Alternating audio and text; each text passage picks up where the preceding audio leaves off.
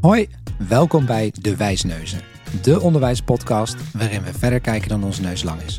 We zoeken uit hoe het zit en bespreken wat je ermee kan.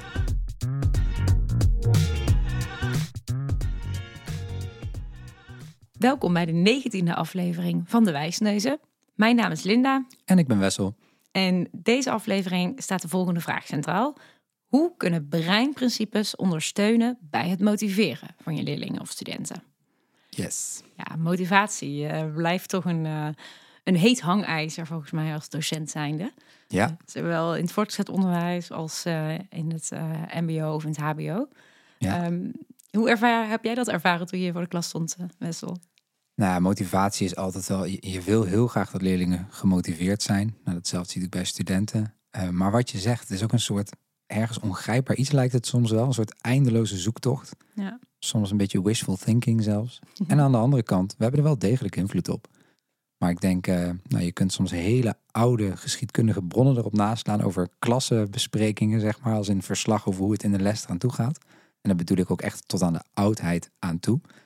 En zelfs daar lees je hoe ongemotiveerd leerlingen, ja, het is een eindeloos verhaal natuurlijk. Want je, ja, dat is logisch. Kijk, het is niet altijd verenigbaar leren en motiveren. Zo simpel is het. Precies, maar volgens mij heb jij een haakje gevonden voor deze aflevering om vooral te kijken naar wat je wel kan doen, toch? Zeker, zeker. Want wat ik al zeg, je hebt er deg- wel degelijk invloed op. Ehm, en we hebben het al eerder over motivatie gehad. Dat was in aflevering 13. Toen hebben we het vooral gehad over autonomie. Ja. Dat is als onderdeel van motivatie. Toen hebben we daarop ingezoomd. Eh, we kiezen nu eigenlijk een wat andere afslag. Ik zou bijna willen zeggen een wat makkelijkere afslag ergens. Een wat minder complexe. Oké, Ehm, ja, en het is, er is best veel aandacht denk ik, voor motivatie, omdat het, het kan helpen eh, bij het leren. Ehm, hè, wat ik was altijd een discussie, wat komt eerst, motiveren of leren? Hè, nou ja, kip-ei verhaal. En je hebt bronnen die zeggen, nee, we moeten heel effectief leren, dat moet voorop staan. En dan motiveren volgt wel als je goed leert. En dat is zeker waar. Maar andersom weten we ook wel echt wel degelijk dat als je goed gemotiveerd bent, dat kan ook weer positief werken op het leren. precies. Dus ik denk, eh, daarom is het ook wel eh, belangrijk. Mooi, oké. Dat kun je vanuit verschillende invalshoeken benaderen. Ja. je kunt heel erg vanuit bijvoorbeeld de psychologie kijken. Het gaat over bijvoorbeeld de zelfdeterminatietheorie, waar we het ook al eerder over hebben gehad. Yes. Relatie, autonomie en competentie. Ja. En aan de andere kant heb je ook de invalshoek vanuit het brein, meer de neurologische kant. En dat is meer hoe kun je bepaalde principes, werking van het brein, hoe kun je dat benutten om te motiveren. Ja. Dus het dient hetzelfde doel, maar het is een andere invalshoek. Mooi. En, en klopt het dat dit een... Is dit een universelere invalshoek? Als in, is dit voor ieder mens, werkt dat al voor ieder mens hetzelfde? Of zit hier ook nog... Verschillen? Mm, ik denk dat in principe het brein wel, dit kun je best algemeen bekijken. Ja, ik, natuurlijk bij de een heeft iets meer invloed dan de ander, maar we weten wel dat, nou ja, als je deze principes, als je de onderzoeken erachter leest, ja, zo werkt ons brein nou eenmaal. Precies. En eh, wat voor de een werkt, werkt voor de ander misschien niet helemaal optimaal, maar in grote lijnen zijn de principes die bij iedereen wel, nou ja, aan het spreken zijn. Net zoals bijvoorbeeld ook natuurlijk de zelfdeterminatietheorie. Het Precies. zijn algemene principes. Ja.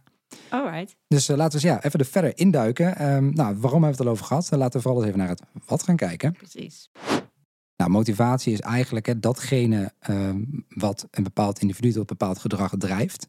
Dus als ergens voor gemotiveerd bent, dan zorgt dat voor bepaald gedrag. Ja. Nou, nogmaals, in aflevering 13 zijn we hier al wat uitgebreider op ingegaan. We hebben het gehad over intrinsieke motivatie, extrinsiek, gecontroleerd, autonoom. Maar dat zit dus allemaal in, weer in die psycho- sociaal-psychologische kant. Ja, precies. Daar waar dit echt wat meer gaat over die neurologische kant. Dus dat is wel een belangrijk verschil. Maar goed, motivatie is dus datgene wat een individu tot bepaald gedrag drijft. En breinprincipes, dat gaat dan weer wat meer over interne neurologische processen. Dus echt meer biologisch, chemisch. Denk bijvoorbeeld aan dopamine. Dopamine in het brein, als dat vrijkomt, is het beloningssysteem, worden we vrolijk van. Dat is een voorbeeld van een breinprincipe wat we, nou ja, via allerlei wegen graag bij mensen aanspreken. Ja. Soms voor het leren, maar soms ook voor hele andere redenen. Ehm, nou ja, en da- da- dat zijn wel die breinprincipes die je wilt aanspreken ter motivatie. Ja, en die, die zijn misschien, hè, daar zijn we onszelf waarschijnlijk minder bewust van. Ja. Dat die, de- waar die andere dingen wat meer gaan over waar, welke externe factor bijvoorbeeld Juist. ga ik op aan. Hè? Ja. Kan ik echt inzetten. En dit is echt wat meer eh, ja, onbewust eigenlijk. eh. Ja, precies. Ja, Ja. Dus het, dit, dit is echt meer de interne neurologische processen. En de andere is inderdaad meer extern sociaal-psychologische processen, om het zo te noemen.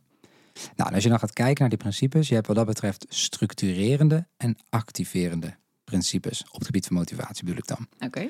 Nou, structurerende principes, dat is bijvoorbeeld eh, dat je voorkennis activeert, dat je vaak herhaalt.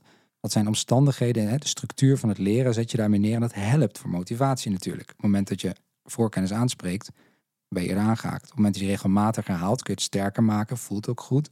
Ja, Nou, gaat dan- het ook ja. misschien over makkelijker maken hè, en daardoor gemotiveerder worden. Precies, ja, Ja, het is goed voor het leren. Ja. Precies. Nou, en aan de andere kant heb je dan activerende principes. Nou, en dat, daar, dat zijn principes die vooral helpen om de breinactiviteit te verhogen. Mensen aan te zetten. Nou, we weten dat dat dus ook goed is voor het leren. Ja. Dus niet per se dat structurerend of activerend beter is. Ik zal wel voor de rest van deze podcast vooral ingaan op activerende principes. Ik denk dat wij in voorgaande podcast al wel hebben gehad bijvoorbeeld over leerstrategieën. Ja, Nou, dat zijn wat meer die structurerende principes. oké. Dus Mooi. op die manier. Ja. Ja, Nou, vertel. dan, eh, ja, dan gaan we eens even naar wat zijn dan goede motiverende breinprincipes. En ik ga er zes noemen. Oké. Daarbij is het goed om te benoemen dat eh, ga je zoeken naar motiverende breinprincipes, dat je allerlei lijsten tegenkomt. Ja. Nou, wat wij eigenlijk in dit geval, wat ik vooral heb gedaan, is gekeken van wat zijn nou wat overlapt, wat vult elkaar aan. En uiteindelijk ben ik tot deze zes gekomen. Daarmee zeg ik niet, dit zijn de zes, maar ik denk dat deze zes wel een behoorlijk scala dekken. ehm, als het gaat over motiverende breinprincipes. Oké. Dus. Ik ben benieuwd. Yes. De eerste is nieuwsgierigheid. Nou, we zijn van nature als mens eh, zijn we nieuwsgierig. Dus dat is eh, iets wat je daarmee aanspreekt. Wat erbij heel belangrijk wel is, wil je dat iemand eh, echt nieuwsgierig is, nieuwsgierig wordt, dat noemen we de information gap. En dat heeft ermee te maken dat ja, we zijn van nature nieuwsgierig. Hè, denk maar aan kleine kinderen. En we zeggen soms ook als het onderwijs, we moeten die nieuwsgierigheid meer prikkelen. Ja. Ehm, maar ja, dat lukt, hoe leuk je een les ook maakt, dat lukt niet altijd. En een heel belangrijk gegeven is dus die information gap. En dat gaat erover dat als je ergens al iets over weet, en dan kom je iets tegen wat ja, net weer een strapje daarboven is, hè, de zone van naaste ontwikkeling zou je kunnen zeggen, dat vinden we vaak interessant. Omdat we denken, hé, hey, hoe, hoe zit dit dan? Ja. Versus als je ergens iets over te horen krijgt wat je echt nou, nagenoeg niks van weet, ja, dan gaat dat brein veel minder snel aan. Want je denkt, ja, dat- je hebt geen voorkennis. Nee. Dus daarop inspelen is heel belangrijk om nieuwsgierig te worden met hoe zit dat dan precies. En dan, dan word je dus aangezet tot meer onderzoek doen. En dan wil je wel weten, hoe zit dit dan? Een beetje, nou, echt die nieuwsgierigheid prikkelen. Ja, en je gaf als voorbeeld nu voorkennis hebben ergens Ja. van. Kan het ook zijn bijvoorbeeld ehm, dat je een ervaring hebt gehad ergens mee en misschien nog niet helemaal begreep hoe Ja. het werkte? Gelden dat soort bijvoorbeeld ervaringen ook? Of gaat het wel echt vooral om kennis hebben aan de voorkant? Dat is een goede vraag. Nee, ik denk dat ik met voorkennis met wat breder bedoelde inderdaad. Dus dat je ergens een ervaring hebt, je vindt het relevant, je vindt het leuk, maar het komt wel bekend voor. Dus je Ja. wil er wat meer over weten. Versus als jij nou, informatie krijgt over, ik noem wat, in dit geval de technische specificaties van een Tesla-auto. Oké. ik zie al kijken. Ja, daarbij kun je ook denken, nou ja, eh, oké, ja, weet je, prima. Maar de- ja, als je er niet Ja. zoveel in zit, dan denk je ook, het zal wel. Ja, precies. Hè? Terwijl als het gaat over dingen die je wel wat meer interesseren, dan zul je wat sneller ja, voorover gaan leunen en denken, hé, hey, hm, hier weet ik wat over, hoe zit dit dan? Ja, dus die herkenning al hebben. Ja, Ja, ja. Nou, en Oké. wat daar vaak voor werkt in de les, als je hem vertaalt bij nieuwsgierigheid, hè, dat kan bijvoorbeeld door je les echt met een vraag te beginnen, Ja. in plaats van een lesdoel, wat toch vaak wat saaier is. Ehm, en op die manier te kijken, hé, hey, hoe zit dit dan? Maar dan moet je dus wel proberen in te spelen op nou, iets, een beetje voorkennis, en nogmaals, om het maar even zo te noemen. Ja. Ehm, dus dat kan heel erg werken. Of door een afbeelding te laten zien en te zeggen, hé, hey, wat zien we hier? Weet je, een beetje zo dat prikkelen. Nou, dat werkt vaak wel, omdat er dan, ons brein wil dat weten, en dan raken we aan, zeg maar. Ja, volgens mij is dit ook wel een mooi principe wat je in, in kleine en in hele grote mate op scholen ziet. Hè. Volgens mij ook wel de, nou, als je meer richting de Agora scholen bijvoorbeeld gaat Ja. kijken, is, is dit een principe die zij volgens mij ook omarmen. Dat is een heel belangrijk principe. Ja, Ja, zeker, zeker. Ja, Ja, dus kun je zo groot of zo klein eh, maken als je wilt. Zeker, ja. Nou, en de tweede is relevantie. Nou, en relevantie, dat gaat erover dat op het moment dat jij iets interessant vindt of nuttig vindt, of dat het je persoonlijk aangaat, ja, dan kunnen we het sneller verbinden aan, oh, ik wil er nog meer over weten. Of je, uiteindelijk, je brein is heel erg gericht op efficiëntie. Ja. En op het moment dat je er, ja, plat gezegd, niks aan hebt, of je vindt het niet interessant, dan ga je minder snel er ook wat mee doen. Ons brein focust zich er minder snel op. Ja, dus dat is een, ja, denk wel een best wel logisch gegeven, maar tegelijkertijd ook een hele lastige. Want tegelijkertijd willen we leerstof ook heel relevant maken. En zeggen we altijd van, nou, we willen bijvoorbeeld verbinden aan de leefwereld van onze leerlingen of studenten. Nou, en soms kan dat heel goed. En eh, kunnen we, kunnen we hè, over bepaalde leerstof zeggen van, hoe zit het in jouw omgeving? Of heb jij dat wel eens meegemaakt? Of wat het ook is. Nou, zeker in het mbo en hbo en wo wordt dat ook makkelijker. Ja, waarop context Ja, toevoegen. je Ja, bent bezig ergens in het voegen toe. Maar gemiddeld bijvoorbeeld in het voortgezet onderwijs is deze gewoon wel wat lastiger. Zeker bij bepaalde vakken dan ja, soms gaat het over dingen die worden vanzelf uh, relevanter, om maar even zo te noemen. Je gaat het vanzelf meer inzien. Ja. ik denk dat als ik naar mezelf kijk, hè, langs geschiedenis gegeven, natuurlijk, je kunt op heel veel dingen kunnen relevant gemaakt worden. Je kunt verbinden aan heel veel actualiteit. Ja, soms lukt dat niet. Nee. Uh, en als dat niet lukt, dan is het een stuk moeilijker. Ja, ik vind deze ook eh, een gevaar hierbij, uh, die ik ook wel eens terugzie in gesprekken op scholen, is dat docenten vooral uh, dan gaan zeggen, ja, maar dit is relevant voor de toets bijvoorbeeld. Ja, Dat je dat gedrag ja, hiermee nee. heel erg gaat ja. creëren. Ja. Hè, van moet ik dit meeschrijven, mevrouw of meneer, want komt dit in de toets, ja of nee? Dat, dat, dat je dat gesprek gaat voeren. Ja, en dan zit je misschien wel ook wel heel erg op die soort extrinsieke, gecontroleerde motivatie bijna. En dat, ja, dat, dat wil je niet. Je wil juist dat, dat mensen zien wat het nut daarvan hebben. Dus waar, en ook wel eens een les beginnen met, waarom hebben we het hier over? Ja. Ik vind het zo'n fundamentele vraag die je zeker in de les ergens maar beginnen. We gaan de komende tijd met een onderwerp bezig. En gewoon echt de vraag stellen, waarom zou het hierover gaan hebben? Ja. Ik heb het zelf regelmatig gedaan, levert hele leuke gesprekken op. En dat, ja, daarmee creëer je ook een soort collectieve motivatie als je het goed leidt, leidt het gesprek. Ja, ja, mooi. Nou, de derde die ik wil noemen is uh, voorspelling, oftewel voorspellen dat heeft ermee te maken dat ons brein is continu aan het voorspellen. Mm Ons brein is continu, en dat, dat weten we vanuit onderzoek dat het mee te maken heeft dat ons brein heel graag veiligheid heeft. Dus zijn continu, wat gaat er volgende gebeuren? Wat gaat hierna gebeuren? Je probeert continu zijn brein probeert vooruit te denken. Uh, onverwachte dingen kunnen van vanuit vroeger kunnen gevaarlijk zijn. Dus ons brein is altijd bezig met what's next. Nou, en, en dat uh, bijvoorbeeld routine en structuur is heel prettig. Want dat kan helpen met rust creëren en wat meer denkruimte creëren. Een leestip daarbij is ook het boek Thinking Fast and Slow van Daniel Kahneman. Ja, mooi. En die zegt ook van ja, die, die automatische piloot die helpt omdat het meer denkruimte creëert. Is hetzelfde als jij altijd dezelfde route hebt naar het werk of naar, naar school. Um, waarschijnlijk zul je als je eenmaal aankomt niet meer heel veel weten van onderweg. Met als reden dat het heel erg op de automatische piloot gaat. Precies. En dat is fijn, want daardoor hou je denkruimte voor andere dingen. Ja. En dat is, dat is op zich goed. En daarom is net nogmaals routine en structuur is fijn. Ja. Dat helpt juist voor, ook voor de motivatie in die zin dat je wat meer rust hebt. Anderzijds is het zo dat je ook gebruik van kan maken omdat onverwachte gebeurtenissen, die onthoud je dan beter. Dus als jij je vaste route hebt naar werk of naar school en er gebeurt iets bijzonders, dan blijf je veel langer bij, want dat doorbreek je een patroon. Ja. Vertaald naar lessen, het is heel goed om altijd een les op dezelfde manier bijvoorbeeld te starten en te eindigen. En überhaupt een les een beetje een grofweg dezelfde opbouw te hebben. Want het is fijn, dat creëert rust, denkruimte. Maar heb je nou een bijzonder onderwerp waarvan je denkt, oh, deze moet echt blijven hangen. Bijvoorbeeld een moeilijk begrip of een concept. Of waar, dan kan het juist fijn zijn om even lekker af te wijken. Als je een les bijvoorbeeld in één keer anders indeelt, ja, dat valt op. En dat onthoud je waarschijnlijk sneller. Waarmee ik niet zeg, ga nou iedere les een kermis creëren. Want je moet denk ik wel die routine en de structuur behouden. Maar je kunt er wel slim mee omgaan. Door juist op bepaalde momenten in lessen bijzondere dingen te doen. Ja, mooi. Ik vind deze heel interessant. Ik denk dat deze ook heel erg afhankelijk is van, uh, van je leerlingen. Absoluut. Sommige leerlingen gaan heel goed, denk ik, op onverwacht en anders en woe. En andere leerlingen weer meer met die structuur. Dus dat is wel ja. mooi om mee te spelen, denk ik. Ja, en, en nogmaals, we weten dus wel dat, dat structuur is, ik denk altijd voor iedereen wel belangrijk. Maar ja, wel die onverwachte dingen, ja, dat, dat brein schrikt daar een beetje van, om maar even zo te noemen. Dus je denkt wel, hé, hey, dat, dat blijft bij, daar kunnen we eens over nadenken. En ja, dat precies. Wel, uh, je zet iemand eigenlijk wat meer aan en je onthoudt het wat beter. Ja. Dus dat is wel een fijne. Mooi. Nou, de uh, vierde die ik wil noemen is zintuigelijk rijk. Ja, dat heeft ermee te maken als je meerdere zintuigen prikkelt, onthouden we dingen gewoon beter. Precies. En uh, ik denk een hele voornaal erbij is het combineren van woord en beeld. Dat wordt ook wel dual coding genoemd. Nou, volgens mij gaan wij in een volgende aflevering daar nog wat verder op in. Mooi, ja. Wat het dus eigenlijk is op het moment dat je informatie via verschillende wegen binnenkrijgt. Dus je ziet het, je hoort het. Nou, misschien proef je het ook wel, voel je het wel. Ja, we weten dat die combinatie, ja, die meer, via meer wegen komt informatie binnen. Dus je kunt het ook beter onthouden. En het vormt ook wel eigenlijk een anker weer voor het leren.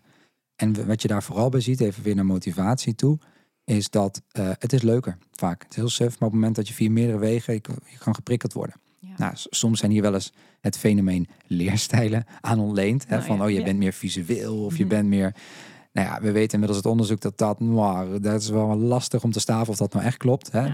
Eh, voorkeuren zorgen niet altijd voor beter leren, om maar een voorbeeld te noemen. Iedereen zegt wel, ik ben visueel ingesteld. Ja, iedereen in het leven is als het goed is ergens visueel ingesteld. Ja, Maar het is wel dat zintuigen krijg ja, zintuigen prikkelen. Hè. Daar wordt ons brein blij van. Dat wordt gevoed, om maar even zo te noemen. Dat geeft een goed gevoel. ja precies. En, en aan de andere kant, hè, eh, daar gaan we denk ik volgende aflevering ook wat meer op in. Maar ook weer hier, denk ik, ga er geen kermis van maken. Absoluut. Nee, eens. Nee, je moet niet denken van toeters, bellen, lichtshow. Nee, Nee, dat is, dat, hè, dan kom je misschien ook weer aan die structuur. En, eh, ja. Ja. dus, dus wat dat betreft, beetje kort dansen soms in die zin. Ja. Maak er gewoon wel bewuste keuzes in. Inderdaad, Mhm. zeker.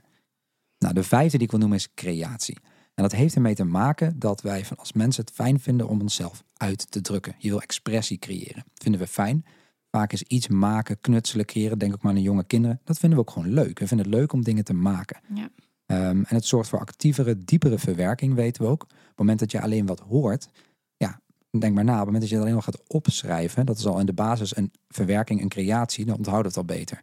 Ga je dat nou ook nog eens een keer omzetten naar bijvoorbeeld een concept map, of je gaat iets wat je hebt gehoord ook echt doen, ja, je onthoudt het gewoon beter.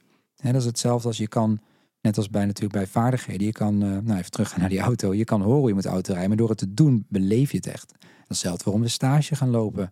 Eh, nou, noem maar op. Het zijn dingen, echt die actieve verwerking en iets daarbij maken. Nou ja, dat, dat helpt heel erg, in ieder geval als het iets meer richting kennis gaat. Ja, maak een conceptmap van, maak er iets anders van, creëren. Ja, en ik zou deze ook wel echt eh, heel graag op tafel willen gooien als het gesprek gaat over toetsing. Oh ja, zeker. ja, In plaats van alleen maar reproduceren van kennis door meer keuze, eh, tentamens of, eh, of examens. Echt ook hier, het is zoveel betekenisvoller leren als je iets kan maken waar niet een kant-en-klaar nakijkvel voor is. ja.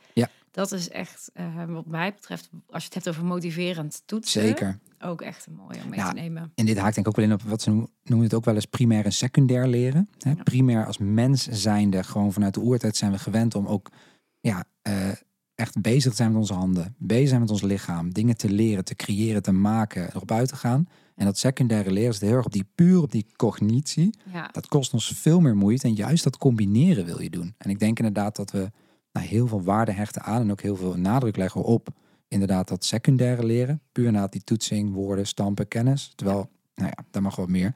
En een leuk fenomeen hierbij is ook om te noemen is het IKEA-effect. En dat is een onderzoek, eh, nou, je raadt het al, met, met IKEA-meubelstukken.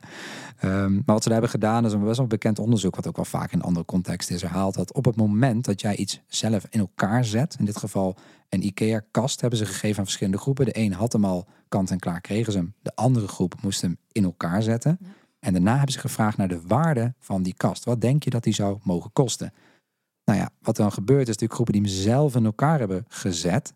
Ja, die schatten de waarde veel hoger in. Ja. En dat heeft er gewoon mee te maken dat wij als mensen vinden eigenaarschap, iets creëren. Nou, dat hangt ook heel erg met elkaar samen. Dat vinden we belangrijk. En op het moment dat je ergens moeite voor doet, dat loont dus ook. En dat zit er ook wel hier erg aan vast. Je creëert, je doet er moeite voor.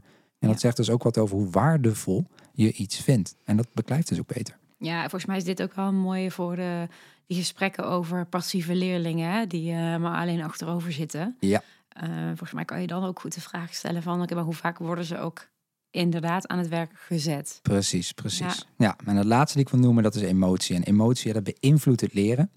Eh, het, is een, het is een anker ook voor het leren. Eh, we weten dat we het beste leren op het moment dat we vrolijk zijn. Mhm. Tegelijkertijd, het is een anker voor het leren. En daarom als je bijvoorbeeld bij het leger kijkt, daar worden heel vaak mensen onder druk, onder stress, moeten ze iets leren. Waarom? Omdat je in dezelfde soort omstandigheden diezelfde kennis of vaardigheden weer op moet kunnen halen. Ja. En als je het heel erg leert in een leuke omgeving, lukt dat moeilijker. Dus daarom is het ook een anker. Maar nogmaals, voor echt het leren van cognitieve vaardigheden en cognitie. en- Maar nogmaals, voor het leren van kennis en vaardigheden over het algemeen is het ja, prettig als we het in een vrolijke omgeving aanleren. Nou, en een leuke theorie erbij is de Control Value Theory. Of Achievement Emotions, kunnen we nog achter plakken. Ehm, nou, daarbij zeggen we van, het is heel erg belangrijk als je naar, ehm, naar emoties kijkt. Controle en waarde zijn erin twee hele belangrijke begrippen. Namelijk, hebben wij het gevoel, emotioneel gezien, ergens controle over te hebben? Ja. En hechten we er waarde aan? Die twee principes hebben ook invloed over hoe waardevol we het vinden, hoe leuk we het vinden en hoe gemotiveerd we ervoor zijn. Ga je bijvoorbeeld kijken, hebben wij het gevoel een hoge mate van controle te hebben en het waardevol te vinden? Dan zijn we vaak positief en worden we ook geactiveerd. Oké, Hebben we nou het gevoel een lage controle te hebben, maar wel belangrijk te vinden, dan kan het voor angst of stress zorgen. En is het zo dat wij een gevoel hebben van lage controle en dat we het niet zo belangrijk vinden, dus lage waarde, dat leidt tot een gebrek aan interesse. Nou, dus kijkend naar de les kan het in ieder geval belangrijk zijn. Ik denk dan weer ook weer het brugje naar autonomie. Ja. Zorg ervoor dat je dat gevoel hebt van ik heb hier invloed op. En natuurlijk wil je ook die relevantie waar we het net over hadden ook aanboren. Maar die samen maken wel hoe beleef jij emotioneel het leren. ja. en dat is eh, precies. ja, die control value theory. Is denk ik een heel interessant om in te verdiepen. Heel interessante schema's staan er ook bij. Mooi. Dus, uh, ja. Mooi haakje inderdaad met die autonomie. Hè. Het gaat vooral om het idee hebben dat je controle Precies. Uh, hebt, keuzevrijheid. Ja, ja, want het is auto maar een belevenis. Ja. Dan kom ik dus heb nieuwsgierigheid, relevantie, voorspelling, zintuigelijk rijk, creatie en emotie. Nou, dus dit zijn de zes breinprincipes, denk ik, waar je wat mee kan. Um, en wil je nou een soort samenvatting van? We hebben al eerder een poster gemaakt waarin we heel kort deze zes benoemen. Ja. Uh, nou, daarom denk ik ook goed is als mensen hier meer over willen weten, wijs vooral naar deze podcast.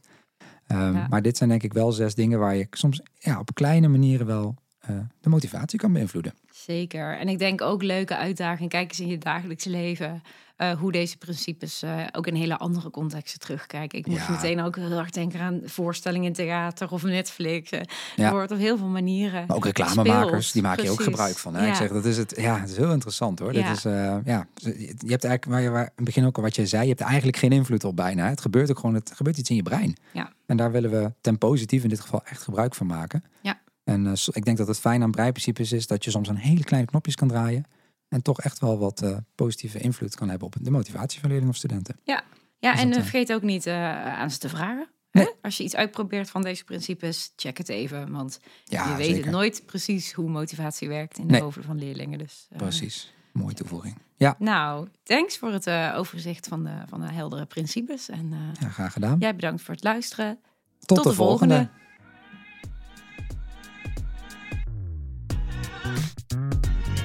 Leuk dat je weer hebt geluisterd naar een aflevering van De Wijsneuzen. Wil je nu meer weten over het onderwerp wat we net hebben besproken? Ga dan naar vernieuwenderwijs.nl slash podcast. Heb je ideeën of suggesties voor onze podcast? Stuur dan een mailtje naar podcast.vernieuwenderwijs.nl